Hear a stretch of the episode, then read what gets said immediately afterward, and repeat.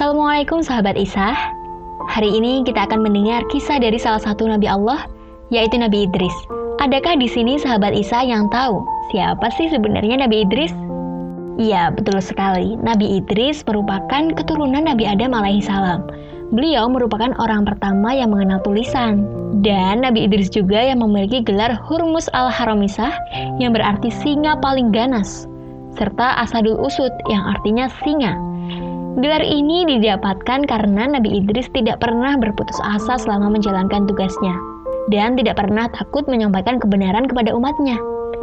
Ia juga memiliki sifat pemaaf. Selain itu, Nabi Idris juga Allah berikan kecerdasan, sehingga menguasai banyak keilmuan, mulai dari menguasai berbagai bahasa, ilmu berhitung, ilmu alam hingga astronomi. Satu lagi, beliau juga merupakan seorang penjahit loh. Oh iya, sahabat Isa, karena kepandaian serta kesalehan Nabi Idris, ia merupakan teman dari malaikat Israel dan sering beribadah bersama loh. Ada satu kisah menarik nih di mana Nabi Idris meminta kepada malaikat Israel untuk berkeliling melihat surga dan neraka. Nabi Idris alaihissalam mendapat kitab dari Allah Subhanahu wa taala sebanyak 37 swahifah. Dalam kitab ini berisikan kebenaran seperti hanya Al-Qur'an. Kitab itu merupakan petunjuk yang disampaikan kepada umatnya. Maka malaikat Israel pun menjawab, Wahai Nabi Allah, lagi-lagi permintaanmu aneh. Nabi Idris pun dibawa ke tempat yang ingin dilihatnya. Tentunya malaikat Israel telah memohon ingin kepada Allah, dan Allah mengizinkannya. Malaikat Israel berkata lagi, Hai Nabi Allah, mengapa kau ingin melihat neraka? Yang bahkan para malaikat pun takut untuk melihatnya. Kemudian Nabi Idris pun menjelaskan alasannya. Terus terang, saya takut sekali kepada azab Allah itu. Tapi mudah-mudahan Iman saya menjadi lebih tebal setelah melihatnya. Ungkap Nabi Idris. Saat malaikat Israel dan Nabi Idris sampai di dekat neraka, Nabi Idris alaihissalam langsung pingsan. Karena malaikat penjaga neraka merupakan sosok yang sangat menakutkan. Ia menyeret dan menyiksa manusia-manusia yang durhaka kepada Allah semasa hidupnya. Nabi Idris alaihissalam tidak sanggup menyaksikan berbagai siksaan yang sangat mengerikan itu. Tidak ada pemandangan yang lebih mengerikan dibandingkan dengan neraka. Api berkobar dahsyat, bunyi yang bergemuruh menakutkan, dan hal-hal yang mengerikan lainnya. Sungguh banyak ada di dalamnya. Seketika Nabi Idris meninggalkan neraka dengan tubuh yang lemas. Selanjutnya, Nabi Idris dibawa oleh malaikat Israel ke surga. Setibanya di surga, malaikat Israel mengucapkan salam kepada malaikat penjaga pintu surga, yaitu malaikat Ridwan. Berbeda dengan malaikat penjaga neraka, malaikat penjaga surga memiliki paras yang tampan, Wajahnya selalu berseri-seri dan dihiasi dengan senyuman yang ramah. Siapa pun pasti akan senang untuk memandangnya. Selain itu juga menampilkan sikap yang amat sopan, lemah lembut, bahkan ketika mempersilahkan para penghuni surga memasuki tempat yang penuh kedamaian dan kenikmatan itu. Tidak berbeda saat melihat neraka, Nabi Idris pun nyaris pingsan saat melihat surga. Bukan karena takut, tapi karena terpesona akan keindahan dan menakjubkan apa yang ada di surga. Subhanallah, Subhanallah, subhanallah. Ucapan Nabi Idris berulang-ulang karena ia begitu terpukau oleh keindahan surga. Cerita Nabi Idris, dilihatnya sungai-sungai yang airnya begitu bening seperti kaca.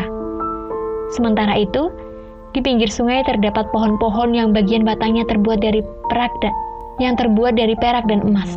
Lalu ada juga istana-istana untuk para penghuni surga. Di setiap penjuru ada pohon yang menghasilkan buah-buahan.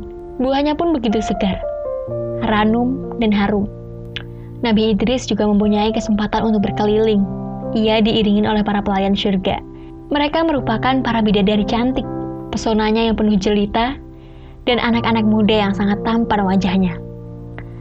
Mereka menim mereka menampilkan tingkah laku yang baik dan sopan saat berbicara. Tiba-tiba, Nabi Idris ingin meminum air sungai surga. Nabi Idris pun meminta, "Bolehkah saya meminumnya?" Airnya kelihatan sejuk dan segar sekali. Lalu malaikat Israel mengizinkannya. Silahkan diminum. Inilah minuman untuk penghuni surga. Jawab malaikat Israel.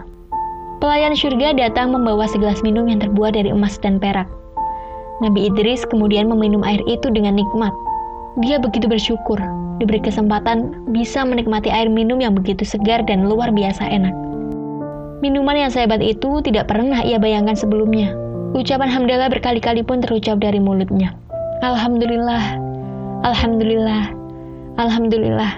Setelah Nabi Idris puas melihat surga, Akhirnya tiba juga waktu baginya untuk meninggalkan surga dan kembali lagi ke bumi. Namun, ia tidak mau kembali lagi ke bumi. Hatinya sudah terpikat oleh keindahan dan kenikmatan surga milik Allah yang Maha Kuasa. Nabi Idris alaihissalam pun berkata, saya tidak mau keluar dari surga ini. Saya ingin beribadah kepada Allah sampai hari kiamat nanti.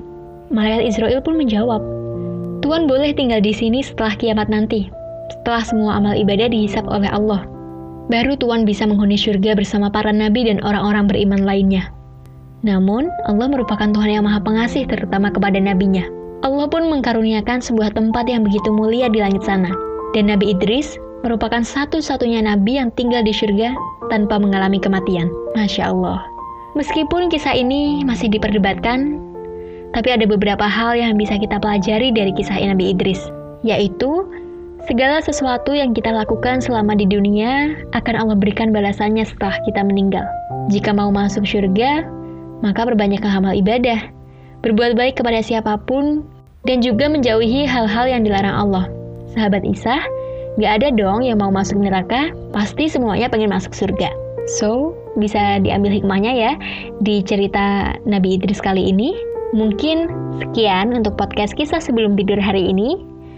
Sampai jumpa di kisah sebelum tidur episode selanjutnya. Wassalamualaikum warahmatullahi wabarakatuh.